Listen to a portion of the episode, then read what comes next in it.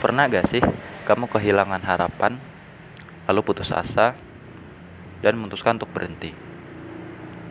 Pernah gak sih kamu sudah meraih sesuatu hal, tapi kamu merasa kosong? Pernah gak sih kamu punya impian yang begitu besar, lalu kamu berjuang mati-matian, eh pada akhirnya itu sia-sia? Setiap manusia pasti merasakan yang namanya kehampaan, kekosongan, keputusasaan. Bahkan tak sedikit orang yang bunuh diri karena hilangnya harapan.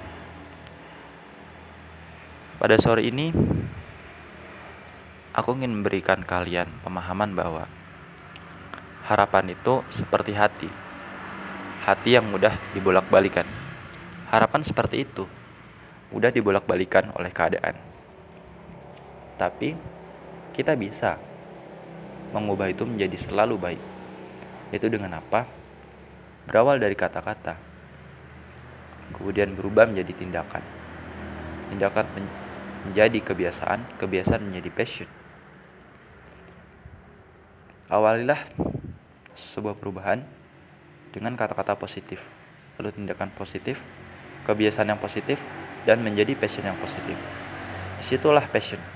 Passion adalah sesuatu yang membuat kita terus semangat dan terus berharap. Tak akan putus harapan kita ketika kita menjadikan suatu kegiatan menjadi passion. Walaupun kita lelah, walaupun kita menghabiskan banyak uang dan waktu dan tenaga, kita akan terus berjalan dan berjuang walaupun kita tanpa teman. Walaupun tenaga kita habis, waktu kita habis, tapi kita tetap ingin melakukannya. Dengan sekuat tenaga kita akan berusaha bangkit. Maka Jangan menyerah sampai di sini. Jalan kita masih panjang.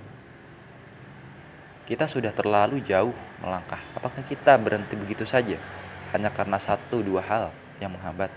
Tentu tidak. Maka dari itu, mulailah bangkit dan tatap masa depan. Setiap orang punya masalahnya masing-masing. Tak usah risaukan masalah orang lain. Tak usah khawatirkan perkataan dan pikiran orang lain. Yang penting adalah diri kita. Bagaimana diri kita bangkit dan bersemangat untuk menyambut hari baru dengan harapan baru dan hati yang baru.